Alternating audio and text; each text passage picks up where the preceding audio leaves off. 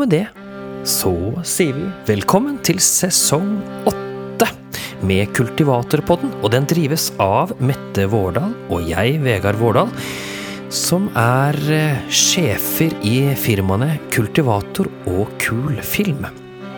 Vi har denne podkasten her fordi vi er så levende og engasjert opptatt av folkekulturen og folkemusikken og folkedrakter og folkekunst i det hele, at vi rett og slett bare hadde nødt, var nødt til å lage en podkast. Og denne sesongen blir litt annerledes enn de andre sesongene, men det skal vi snakke om seinere.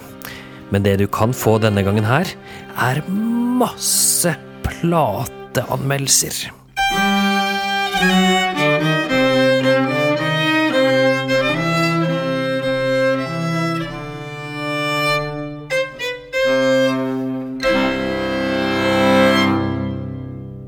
Ja, vi har hatt litt, rett og slett litt tekniske problemer her. Fordi jeg er rett og slett ikke god nok på lydkort. Men nå har jeg lært meg masse i løpet av natten. Så nå fortsetter vi innspillingen. Og eh, da, min kjære kone. Ja, min kjære mann. Eh, hva er det som er så spesielt nytt med denne sesongen her? Jo, det er fordi eh, vi har det en kjempetravel høst foran oss. Så vi rekker ikke å møtes her annenhver uke for å prate inn en podkast. Så vi må rett og slett ta med oss podkastutstyret ut på tur. Og eh, det betyr også at vi har muligheter til å få med oss flere gjester i studio. Så det betyr også, da, for å si det litt sånn i rene tall, sånn at flere kan forstå hva det egentlig betyr, er at en gang i måneden så har vi en podkast som omhandler aktualiteter og plater og anmeldelser, rett og slett av det. Ja, første mandag hver måned. Ja, mens det en mandag en annen gang i løpet av måneden, så er det en podkast hvor vi snakker om de store prosjektene i Kultivator. Og vi kan allerede røpe nå at det er Løft meg i september, og så er det et ganske stort jubileum i oktober. Og i november er det noe som heter Folkelarm. Ja. og Det er jo ikke våre prosjekter alltid, men det er Nei, ting vi er engasjert i på ulik vis. Ja, mm. hvor vi er ganske mye med og ja. tenker og sånn. Folkelarm er vi kanskje ikke så mye med. Der har vi liksom bare Nei, der bare bryr vi oss. Bryr vi oss. Ja, rett og slett. ja. Men du, ja. da tror jeg vi rett og slett skal starte på noe som uh, har med For det er jo lenge siden vi har hatt en podkast nå. Har du savna å være her? Ja.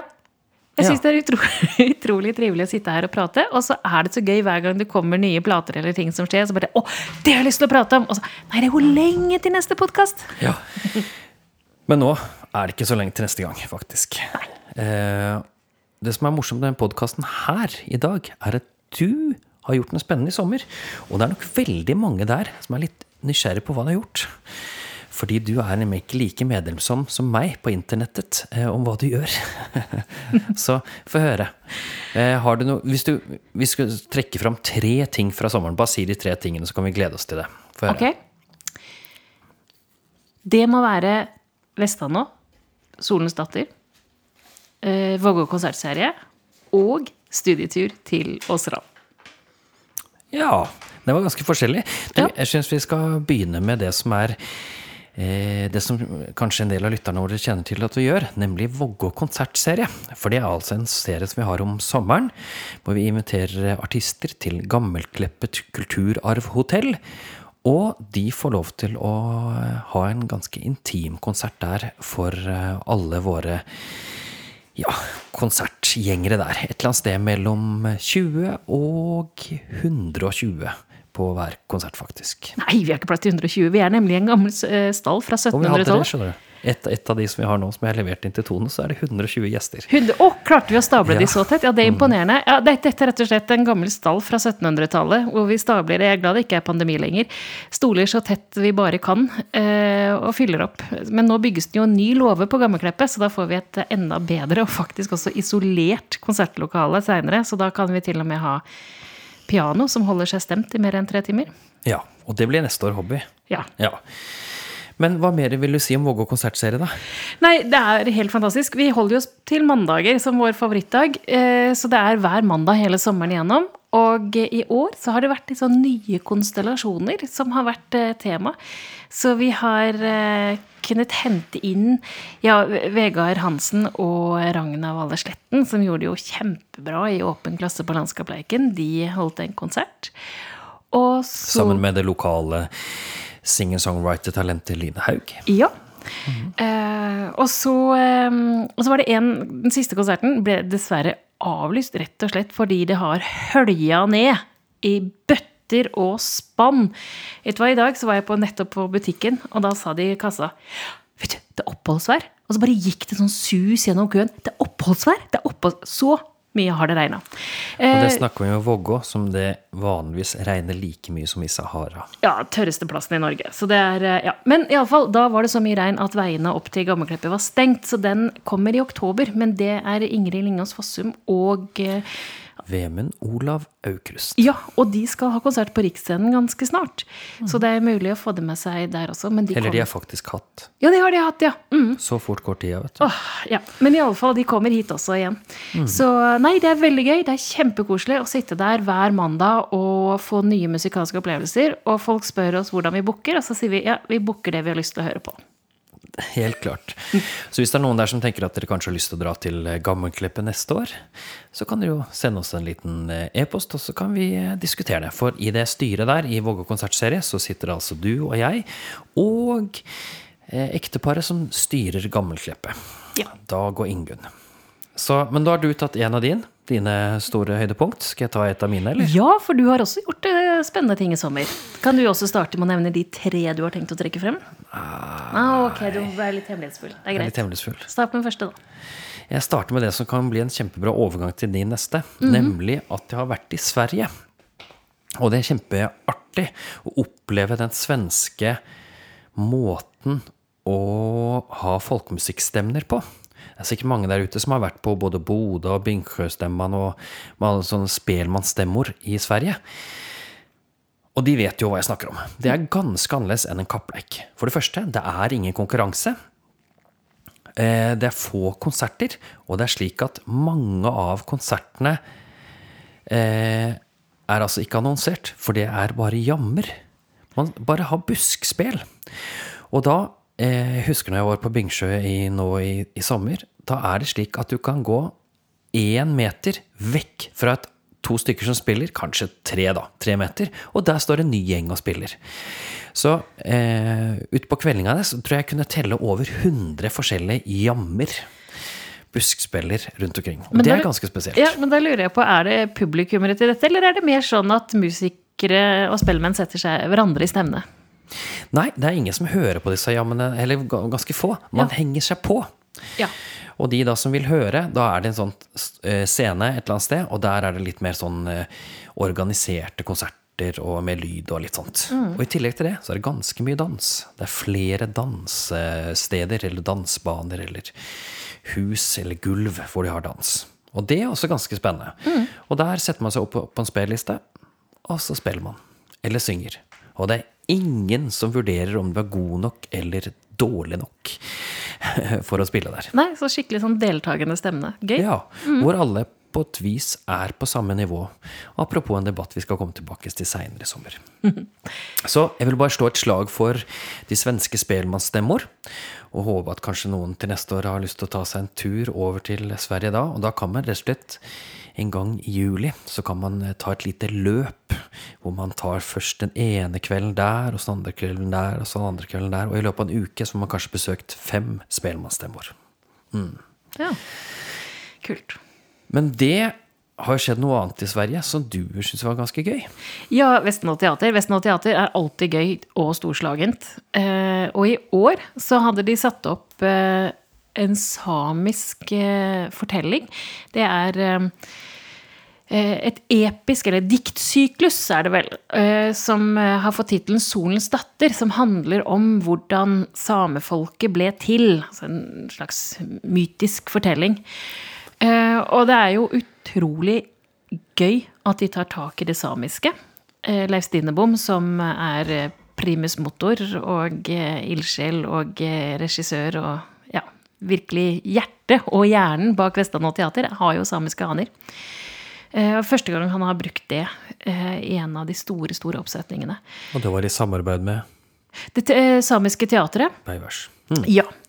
Og det var jo også interessant, fordi de hadde da skuespillere fra det samiske teatret som også var på scenen. Og da så du hvordan Leif Stinebom og Mestanå har klart å jobbe seg inn én tradisjon. Og så kommer det da skuespillere med en annen tradisjon. Og da, eh, istedenfor bare å bli fanget da, i det Vestlandet-universet, så, så fikk du litt dissonans. Og det var litt ulike måter å fortelle på. Og i tillegg, og det var jo kanskje en kjempestor opplevelse, det var at den kvelden så var hun som eh, var fortelleren, Akka, hun var eh, syk. Så Leif Stinebom trådte selv inn på scenen og var forteller. Og det, eh, det ga en ekstra dimensjon. Ja, det syns jeg var ganske spesielt, og en veldig sånn ble jo en unik opplevelse, for det var sist ble ikke gjort noe særlig av det seinere. Jeg syns det var kjempe Altså, det gjorde kvelden litt spesiell for både deg og meg og alle som var rundt. Ja, og så må vi si at kanskje to av høydepunktene våre var, var nordmenn, da. Altså Tuva eh, Ferden, som har hovedrollen som Solens datter. Nydelig tolking. Altså, hun er, hun er vever, men bare tar hele scenerommet. Og så var det en eh, Håkon Odden med en skikkelig bjørnedans. Altså ikke, ikke bjørndans, men han var bjørn på scenen. Eh, masse andre småroller, men kanskje den, den bjørnedansen som gjør størst inntrykk. Ja, det er jeg helt enig i. Det, var, det var kjempestort, og Vestland og teater er jo veldig stort. Eh, Definitivt. Altså, snakk om at det ikke er publi- så mange publikummer på Bingsjø. Her er det full rulle hele sommeren. ja, det er jo mange mennesker på Bingsjø, men de bare ser ikke på en De bare er rundt omkring. Ja. Så kanskje mer enn det var på en forestilling på Vestland òg. Men hvis vi går på- til en annen forestilling som hadde 1000 publikummere, og som var i en stor konsertsal, det er eh, Og hvor hovedbandet på, eh, på, eh, riktig, på scenen var et orkester. Det var nemlig Folkelig Kraft i Kristiansand, som jeg var med på i august. Og det var en stor satsing. Her hadde altså Kristiansand Symfoniorkester og Agder fylkeskommune og Kilden konsert- og teaterhus invitert inn de ja, Skal vi kalle det noen av de mest eh, fremragende og utmerkede utøverne i Agder til å være på scenen sammen med eh, Kristiansand Symfoniorkester. Ja. Og du, fordi faren din har drevet med en god del folkemusikkinnsamling i Agder, og du har eh, hatt noen barneår i eh, Agder, så eh, er du en naturlig del av dette. Ja, jeg fikk lov til å representere pappa der med dansen Slingkompass, som jeg hadde instruert noen dansere i Bull Kristiansand, som Tone Ingvaldsen da tok og på et ypperlig vis eh, hadde ja, var sjefen over, kan vi kalle det. Det var hun som liksom tok den videre. Jeg bare hadde en grunnidé, og så var det hun som ledet an på scenen. Og der hadde jeg laget arrangementet til strykegruppa, og nesten samme dag som denne her hadde premiere, eller denne forestillingen var i Kristiansand, så var også arrangementet tilgjengelig på Spotify eller på strømmetjenester. Ja. I Slåtter fra Agder, i serien Folkemusikk for unge strykere. Nei, det var helt fantastisk når man da hører eh, Kim André Rysta stå fra en or orkester og synge Heming og Harald, en stor ballade, eller eh, eh, en enkelt munnharpespiller, Sigurd Brokke, stå foran hele orkesteret. Altså munnharpe, det egentlig litt tynne instrumentet, Ja. men da i et orkesterarrangement. Og de hadde fått to arrangører, Gaute Storås og eh, Erik Berge. Og de hadde da arrangert disse her låtene på hvert sitt vis. Så det var ganske veldig spennende, og de, det var flere ting med orkester, men så var det også ting helt solo. For eksempel Daniel Sandén Varg satte seg ned helt rolig på scenen og spilte Nora Fjølsen. Ja.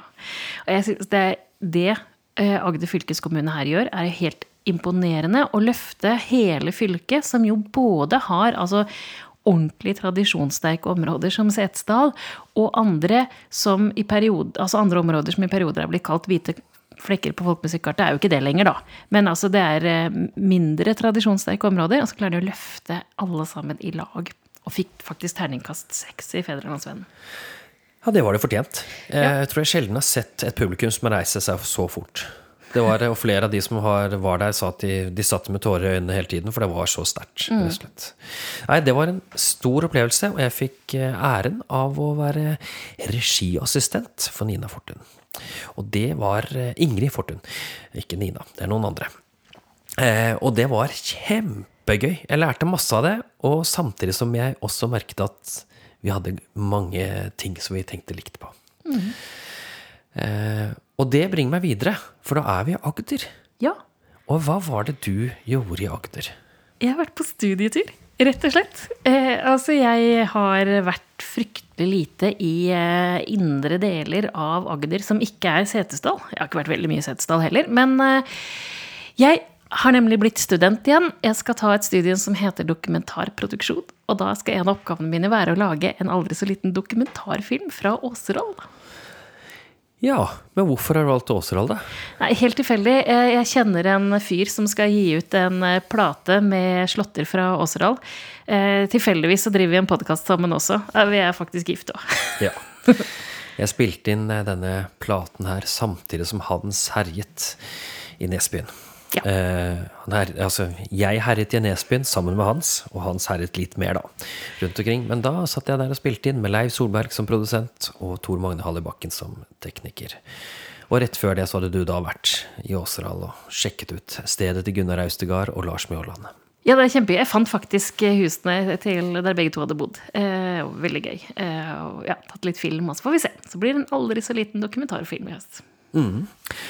Og det bringer meg over, for der spilte jeg nemlig solo hardingfele. Og det pleier jeg jo ikke så mye å gjøre. Ikke hver dag. Nei. Eller jeg spiller ofte for meg sjøl, men det er ikke Ja. ofte det jeg har konserter med. Da har jeg ofte samarbeidskonserter. Men der spilte jeg altså solo hardingfele, og da fikk jeg litt sånn vibber til landskapleiken.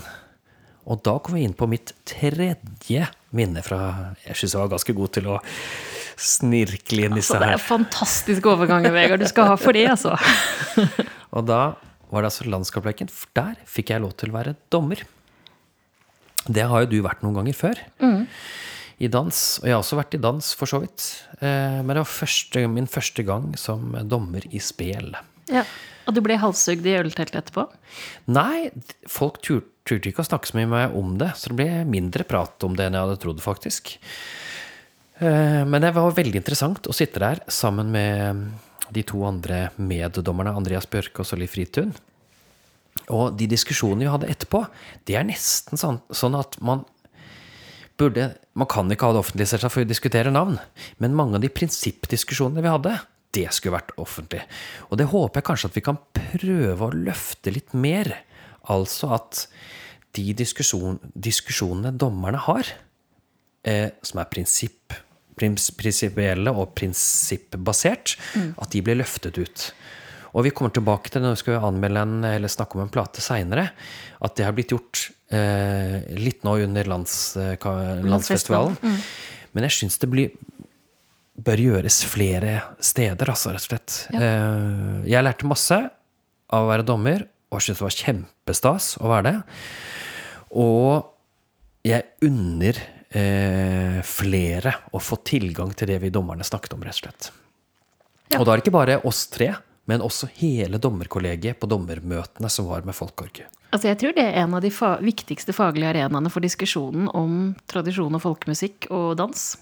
Men hvorfor er den da lukket? Nei, ikke spør meg. Nei, det er jo fordi at man vil at eh, Altså at man ikke skal henge det på person, ikke sant? At ikke den prinsippdiskusjonen skal være med hø- det er fordi at den spilte sånn og sånn. Ja? Man må løfte det, så kanskje kan man ikke ha det helt i tilknytning til eh, det som foregår, men at man venter litt og, og løfter det litt og, og tar det litt ut av dommerrommet og til ja, faglige debatter på seminarer, i folkemusikk, på ballade for den saks skyld.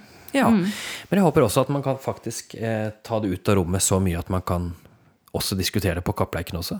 Eller i en podkast. I en podkast. Så det der, kjære lyttere, der fikk dere våre tre høydepunkt eh, i folkemusikk og folkedans og folkekultur og folkekunst fra denne sommeren. Men nå skal vi gå over til alle de rå, fete, kule, interessante platene vi har hørt på.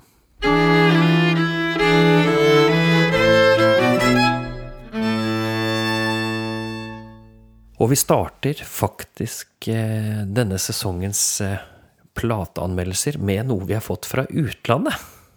Ja. Det kommer rett og slett med karameller i posten, tror jeg. Ja.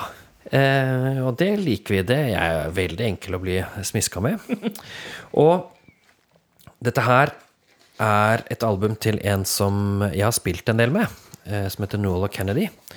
Og hun er da fløytespiller og sanger og er bosatt i Irland. Men er også skotsk, skotsk-irsk utøver. Eh, hun har gitt ut en del plater før, men ikke så ofte. Og en av de har hun gitt ut med Frode Haltli og meg, som heter Snowflake Trio. Ellers har jeg gitt ut litt andre ting. Det er ganske spennende musikk fra henne. Hun er på den platen her som heter Shorelines. S-H-O-R-E Lines. Kystlinje, jeg Ja. det betyr. Mm. Der har hun alle instrumentalnumrene. De har hun komponert selv. Mens alle sangnumrene, det er tradisjonelle øh, melodier og tekst. Og dette her er altså et album om overlevelsesevnen til kvinner. Og kvinnenes prøvelser og suksesser i lys og i nærheten av kjønn. Ikke sant? Så det er eh, både kjærlighet og tragedie på denne plata her. Ja, og akkurat som på norske kystsamfunn, så eh, på de britiske øyer, så bor de jo tett på havet. Med alt havet gir og tar. Ja, og jeg syns Jeg kan ikke anmelde, her for, for mye sånn med hva jeg syns er bra. Og, eh, altså for mye, siden jeg er en venn. Dere må bare vite det, alle sammen der ute. Så jeg liksom tråkker litt eh, ja, både på noen glasskår og litt mer her. Men jeg kan først si det er hun, Nuala Kennedy, som er på fløytesang. Så har hun med seg Tara Breen på fele og Tony, eh, Tony Byrne på gitar. Og Nuala og Tony de har jobbet mye sammen. Og så kommer Kaumini eh, Jeg kan ikke uttale det irske navnet. Valerie på piano. Og Murren Nikamlach på sånne backing vocals, som det heter. Hvor det er en koring. Og så er det Todd Sikafos på bass. Og det er også sistnevnte som har eh, mikset det og ja.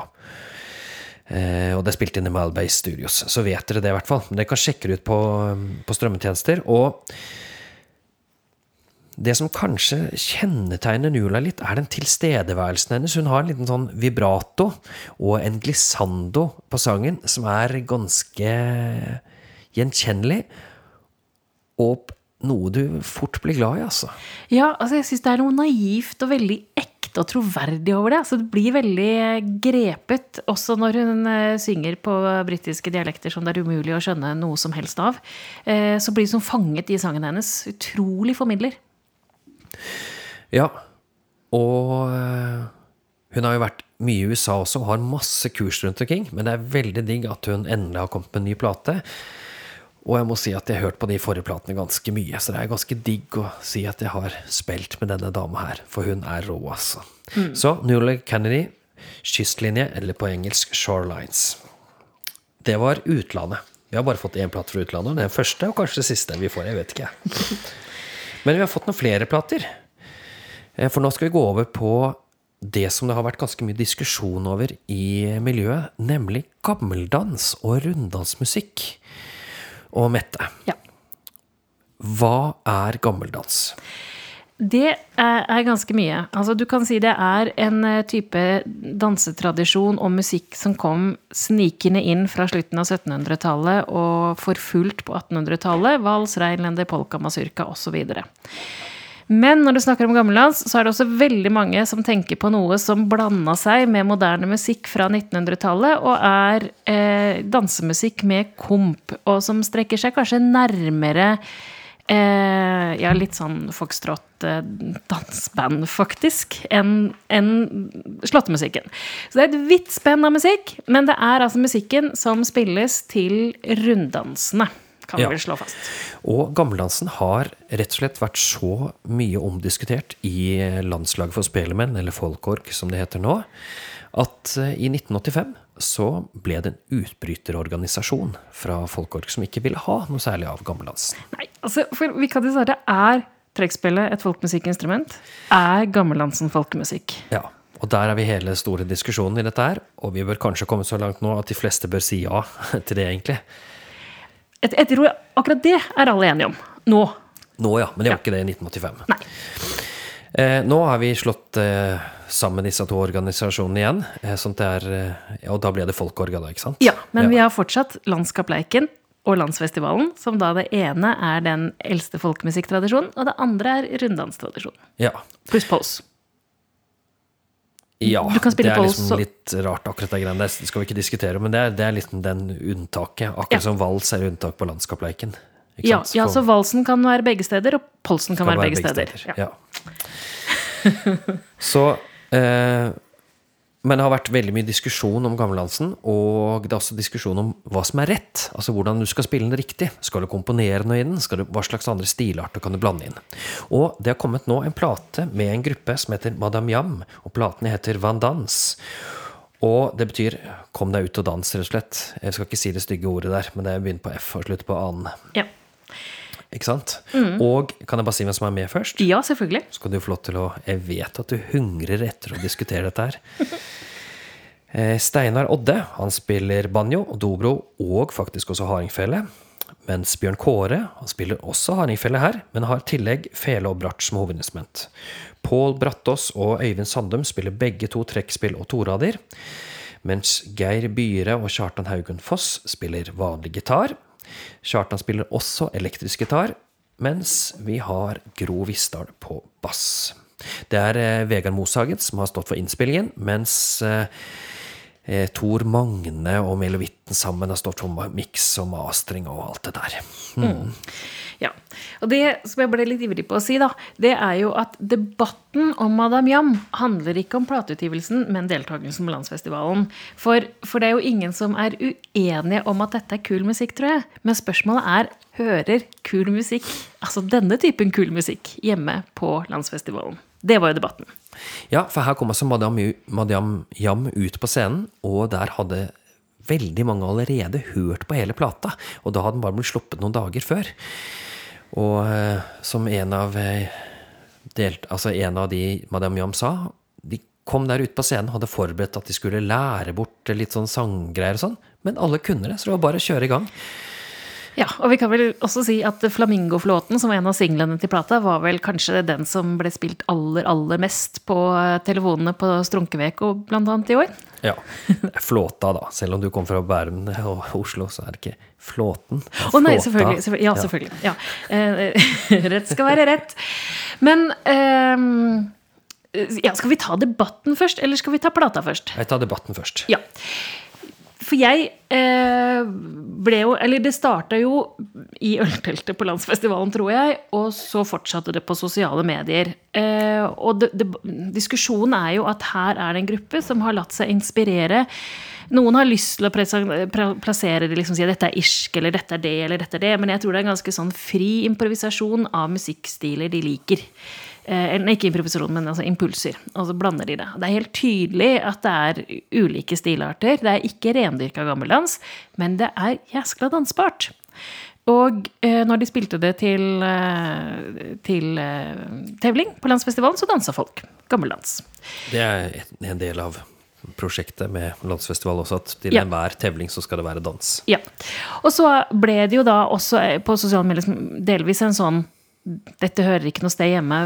Hva med alle oss andre som har lyst til å spille tradisjonell gammeldans, som jo også er et veldig ullent begrep, da. eh, hvor hører vi hjemme? For de kom jo selvsagt også til finalespelet, men havna, til slutt på femteplass.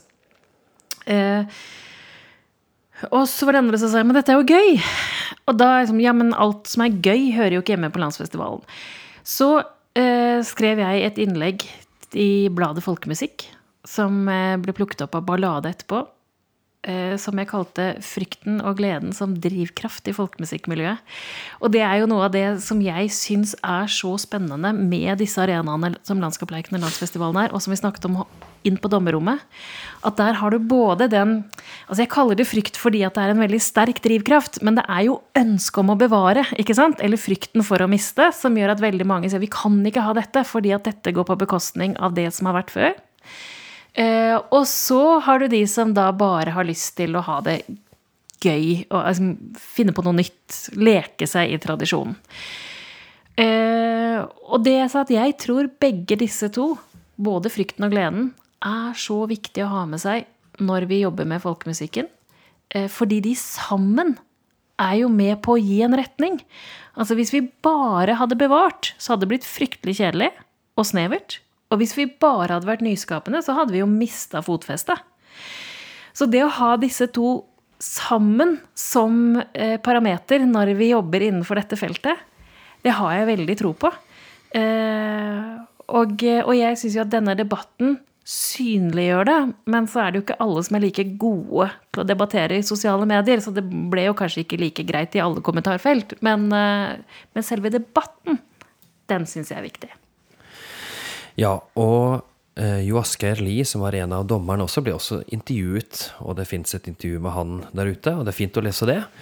Og så er det fint å eh, se litt tilsvarende som er der ute. Jeg tror du har en åpen eh, debatt på dette her på din eh, Facebook-side. Så der skal man ja. også se Anne Hytta sitt tilsvar, som også var interessant. Det trenger vi ikke ta nå. Men Nei. altså det er, en, det er, mange tanker rundt dette her, og det er viktig å få løftet de. Definitivt. Mer debatt. Er det ikke ja. derfor vi har podkast? Det er derfor vi har podkast, og det er derfor vi også håper at dere snakker om dette her hjemme og på fest og rundt omkring. Mm.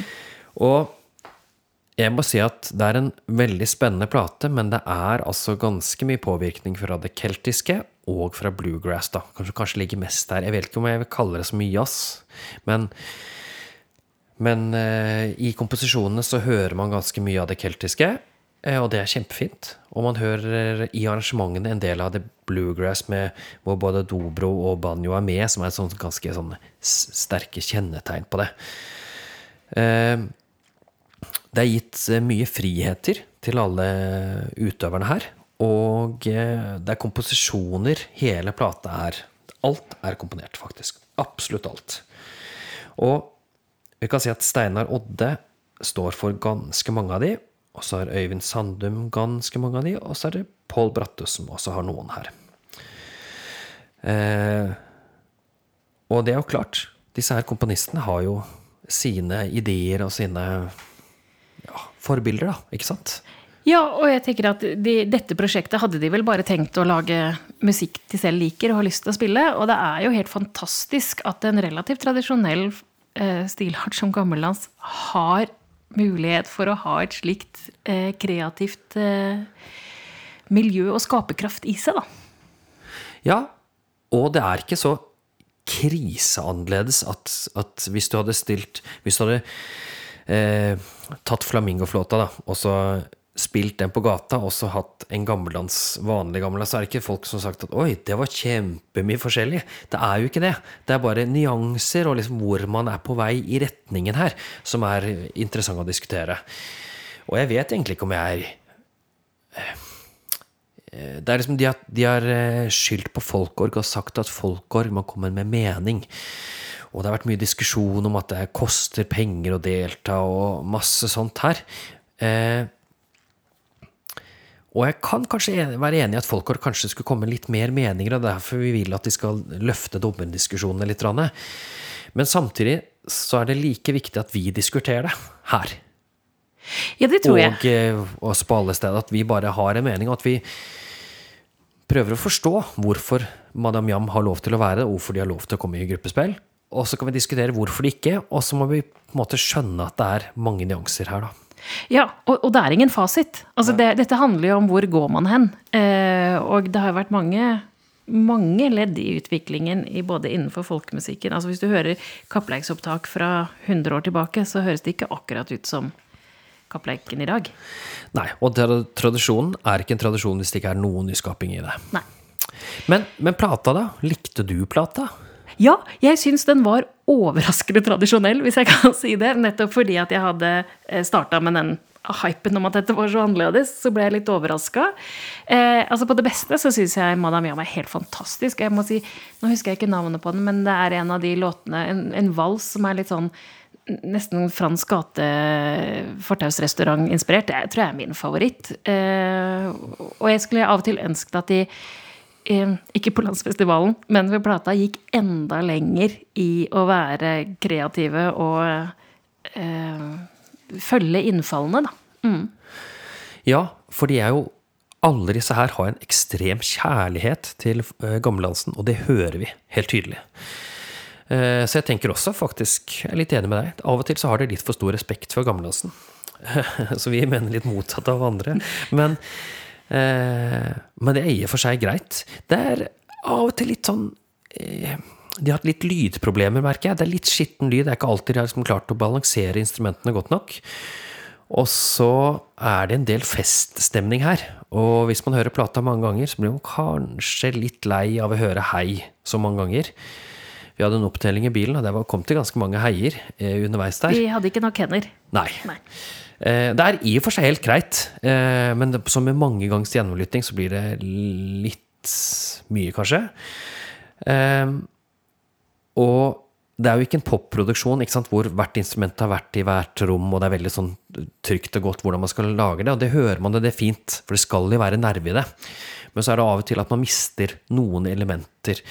Eh, skille på eh, trekkspill, eh, de som spiller på trekkspill, har torader og trekkspill, at man kan høre mer nyansen i annenstemmene der.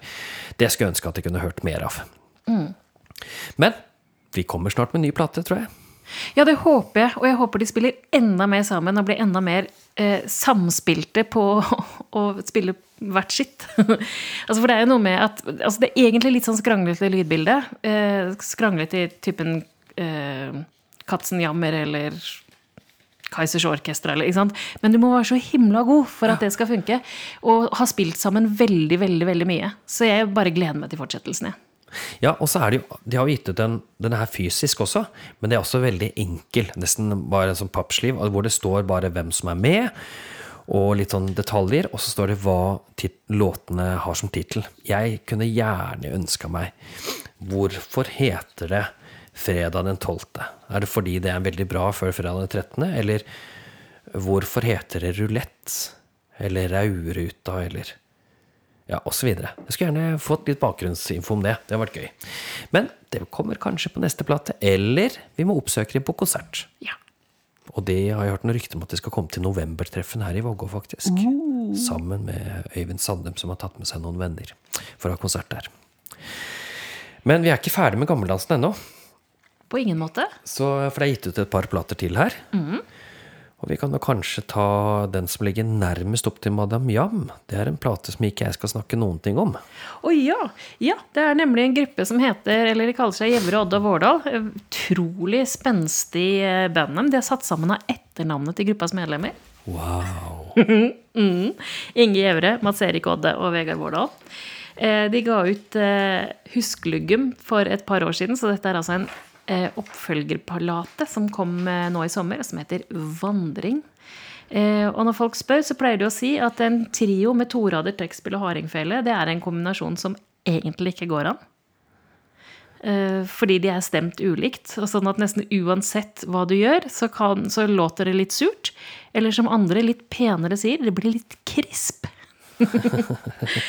men, eh, men, det gir en eh, dimensjon eh, til spillet, som altså selv om dere er eh, Spiller veldig godt alle sammen og er dyktige utøvere, så blir det liksom eh, Ja, det har, en, det har en, noe upolert ved seg, da nettopp fordi at instrumentene krangler litt. Og så er det relativt mye trøkk i spillet, vil jeg si. Sånn helt uh, uhilda, sjølsagt. Veldig bra dansemusikk, spør du meg. Og Apropos det vi har snakket om, altså gammeldansen og frykten for å bevare eller sånt noe. Det er altså så mange som ønsker seg gammeldansmusikk der ute. Altså, ja, det er mange. Ja, og, og, så mange dansespillinger. Og det gjør meg like glad som plata. Altså det at det faktisk er etterspørsel etter dansemusikk. Ja, for denne gruppa her er kanskje en av de gruppene jeg har mest jobber med. Av alle gruppene jeg er med i. Ja. Og det er både noe helt eh, nytt og noe veldig tradisjonelt. Og dere spiller også en blanding av tradisjonelle låter og nyskrevne låter. Eh, og som sagt, dere skal på tur, så straks kommer de til et sted nær deg. Ja, vi har nettopp vært på en sånn plateslippturné. Vi skal ut på mer turné både i oktober og november og januar, februar og mars, faktisk. Så blir det mye. Ehm, på plata så er det halv, halve plata består av tradisjonelle melodier, og halve plata med låter vi selv har komponert. Noen, noen sammen, og noen som vi gjør, står enkelt for, da. Ja. Og heter altså Vandring. Og det er, finner den på en strømmetjeneste nær deg. Eller du kan uh, ta kontakt med Mats Erik, så får du kjøpt den. ja. Men nå skal vi over til noe som kanskje er uh, hakket enda mer uh, tradisjonelt, Vegard. Det er supertradisjonelt, faktisk. Men samtidig så er det ikke det heller. Altså, fordi det har I 2018 og i 2020 så blir det gitt ut to altså hva arkivplater med gamle danser fra Sandsvær og gamle danser fra Lågendalen. Med Arnt Haugen på trekkspill og Ingolf Sunde på fele. Og det var det da Aksent, plateselskapet der, som ga ut, med HV Hove Svendsrud som direktør. Platesjef. Eh, og disse to innspillingene har gitt da eh, Toradelaget i Kongsberg er litt sånn derre Ja, vi skal også gi ut, men nå skal vi liksom ta det i våre, med vår stil. Så da er det altså Sandvær-tradisjonen i nytt driv med Kongsberg eh, trekkspillklubb, eller Toradelag, eller hva det enn er, med Runar Wamb Hanevold, Hannevold som eh, sjef. Og her er det altså produsent som er Paul Brottås, som da kom fra, som var en av utøverne i Madame Jam.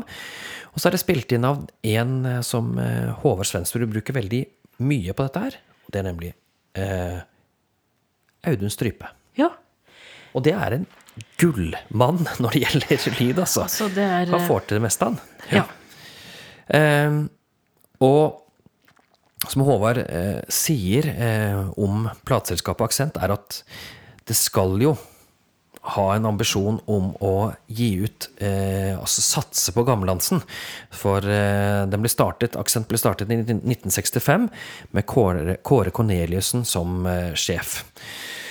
Og Håvard Svensrud vil jo gjerne at man skal fortsette med denne satsingen her. Og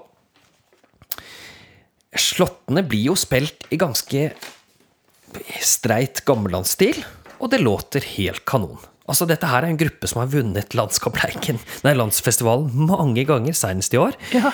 Og eh, det er rett og slett Det er bare kremgammeldans. Så hvis du liker gammeldans, da vil du like den plata her også.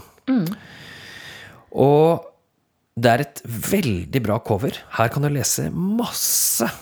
Og visste du f.eks. at eh, Olaus Rogstad var ordfører i Øvre Sandsvær på 1920-tallet?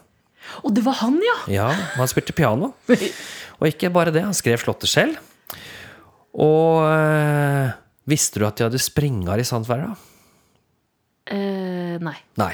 Og det har, de har kanskje ikke springer i den forstand som landskapsleiken vil ha det, for den her låter litt som masurka, men de har det. Og de har ikke noe nedtegnet noen dans der, annet enn at de sier at de drev med noe over huet, som kanskje kan tyde på at de drev med noe pannekakevending eller noe vendinger. Ja. Eh, men det er ganske kult at de har lagt så mye eh, vekt på coveret, sånn som da i motsetning til Madame Jam. De er jo nykomponert, men her liksom har de tatt all tradisjon og fått ned i cover. Så her vil jeg anbefale dere å kjøpe plata, rett og slett. Ja, og Aksent er jo veldig god på cover. Altså det, det det. Ik ikke nødvendigvis på designet, men på, på innholdet. Eh, Nei, det som- designet vinner kanskje ikke noe pris, men det er helt ålreit. Ja. Mm. Ja, men, men eh, informasjonen i coveret. Og dette som er gøy altså Nå har jeg hatt tre plater på Gammeldansen, og det er tre forskjellige plateselskap. Og det i seg selv, at vi nå har fått flere plateselskap som markerer seg på feltet, gjør at vi får en enorm bredde i utgivelser. Og vi vil jo ha flere gammellandsplater, eh, og vi vil gjerne ha flere av de hit, også sånn at vi kan anmelde de, rett og slett. Mm. For dette er viktig. Eh, Det er viktig at vi tør å bruke det, og det er viktig at vi kan fornye oss på det også. Mm. Men du, da tror jeg vi kanskje er eh, ferdig med Gammeldansen. Da må vi ha en jingle, sånn at vi kan drikke en sup kaffe. Og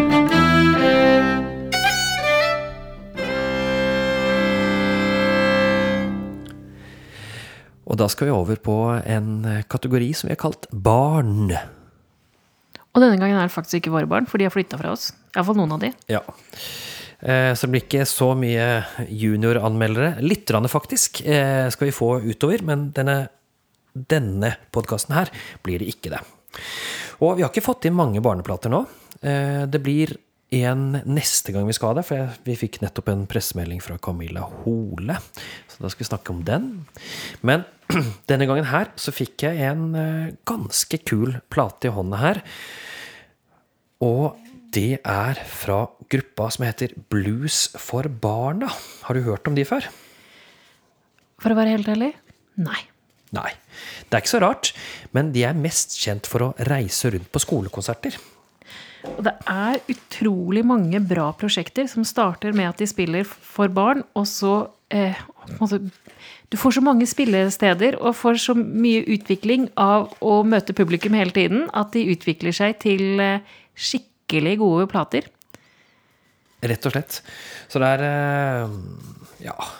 Det er, en, det, er en, det er morsomt, da.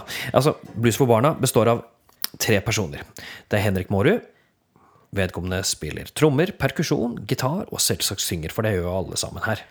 Og så har vi Håkon Høie, som spiller gitar og bass, og også synger. Og så har vi Erik Harstad, som spiller gitar og Synger. Riktig. Ja. Og de har nå gitt ut en plate med blues. Men eh, er det folkmusikk, da? Det er det som er litt Og det er kanskje ikke norsk folkemusikk, men sånn som de framfører det her, så er det veldig folkemusikkaktig. Fordi de leker masse med det. Eh, De har eh, en sånn rytmisk driv i det som er eh, veldig folkemusikknært. Og det er litt det som er kjennetegn for folkemusikken også, at det er både enkelt og vanskelig. Det er enkle ting, som enkle akkorder og enkle melodier, men som de da briljerer litt rundt. Og jeg har hørt på den plata her flere ganger nå, og hvis du har ja, barn eller et eller annet sånt i familien som er litt sånn, liker folkemusikk, så kan de også få dem til å høre på den her. For her er det nesten som å være på en DKS-konsert. Den kulturelle skolesekken som DKS står for. Altså en skolekonsert. De snakker med barna. De har barna med på det. Eh, De lager en blues til og med her. Okay. Og, eh, og alt er selvsagt på norsk. Ja. Og et utrolig kult cover. Det er et rått bra cover. Det er så bra. Det er sånn tegneserieaktig. Eller det er tegneserie. Og det er så mange detaljer, og det er så bra. Og det er med tekst også inni. Men jeg kan si noe om uh, tittelen her.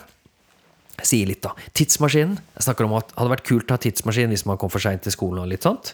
Finskoa, de må være på. Fem om dagen. Er det egentlig godt med fem om dagen? Hva slags fem om dagen skal vi ha godteri istedenfor fem om dagen? Jobbeblues. Det er mye kulere å jobbe hvis man har en blues. Skredderblues. Altså du må lagre bluesen sjæl. Byggeblues. Ikke sant? Det er kult å bygge noe og ha en blues å gjøre samtidig. Og så er det om fisken Fred. Én, to, mat. Det er ikke lett å spise, og når jeg først har rett, så tar jeg feil. Og god natt, eller jeg får ikke sove. Men når vi, det hører på nå, vil jeg si at du har jo sittet på Marked for musikk og hørt masse barneforestillinger og sånt. Og tenker du at dette her er hvis, du, hvis det er noen der ute som har lyst til å lage en barneforestilling, så sjekk ut plata for hvordan man kan gjøre det bra?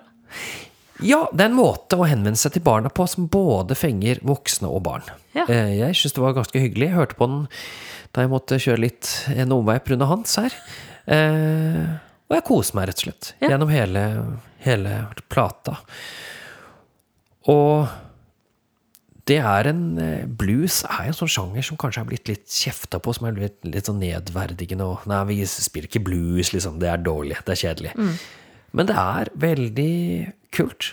Ja. Og derfor var det bra at vi tok den etter gammeldags, for de har litt sånn samme stil, ja. ikke sant? Ja, mm, ja definitivt. Og så, og så har vi jo etterlyst gode barneproduksjoner hele tiden. Altså, så vi, ja. Det er så deilig når det kommer noe som, som sier som funker både for barn og voksne, og som ikke er sånn at du går i spinn 15. gangen det går på repeat på bilen. Fordi du må kjøre rundt med hans. Ja, eller fordi du har skrikende unger baki som sier 'Ja, men få høre, det får ikke sove engang, jeg får ikke sove'. Ja. Skal si, nei, da må vi høre fra starten av plata, for det er det vi gjør, vet du. Vi hører Ja. på hele albumet. men du, ja. nå har vi bestemt oss for at vi må dele denne episoden her i to, vi. Mm. Så dette er rett og slett slutten på del én. Ja. Så da tar vi outro og alt, og så Da kan dere ta en liten pause mens dere tenker på vakre ting, og så kan dere, når dere vil, slå på episode to. Og der kommer det mange flere plateanmeldelser.